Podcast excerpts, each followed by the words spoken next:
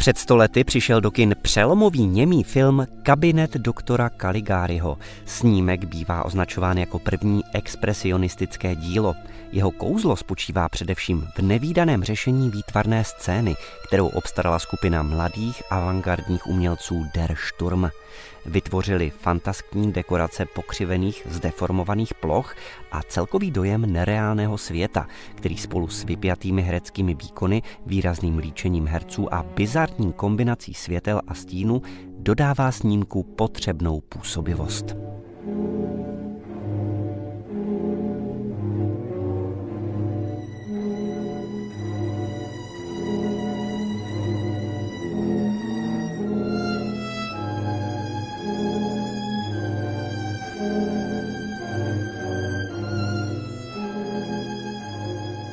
Caligari by se dal chápat i jako metafora pro poválečné Německo, plné obav a znepokojení z nastalé situace a strachu z budoucnosti.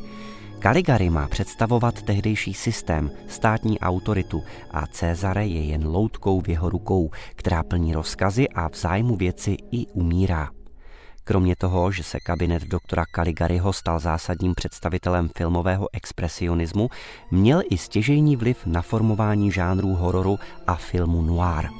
Architektura v tomto expresionistickém filmu navíc ovlivňuje všechny filmové složky, obrazovou, hereckou i scénickou.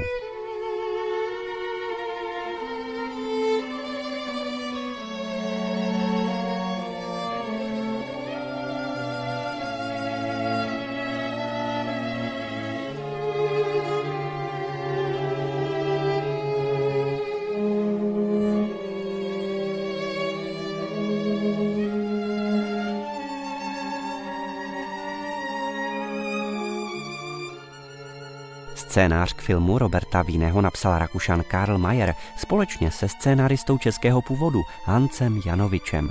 Mayer se v letech první světové války ocitl na psychiatrické klinice. Janovič nejprve zkoušel štěstí v literatuře, pak se živil jako obchodník s oleji.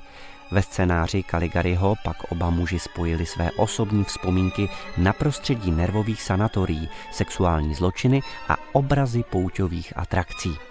Ústředním motivem byla vzpoura proti krutostem války a proti autoritě, již tu symbolizoval právě Caligari. Tento ředitel blázince hypnotizoval mladého Cézara, kterého předváděl na poutích a kterého pak, když nastala noc, nutil páchat v hypnotickém spánku hrůzné zločiny.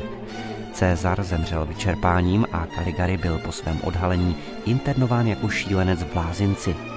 Kabinet doktora Caligariho je považován za první opravdu hororový film všech dob.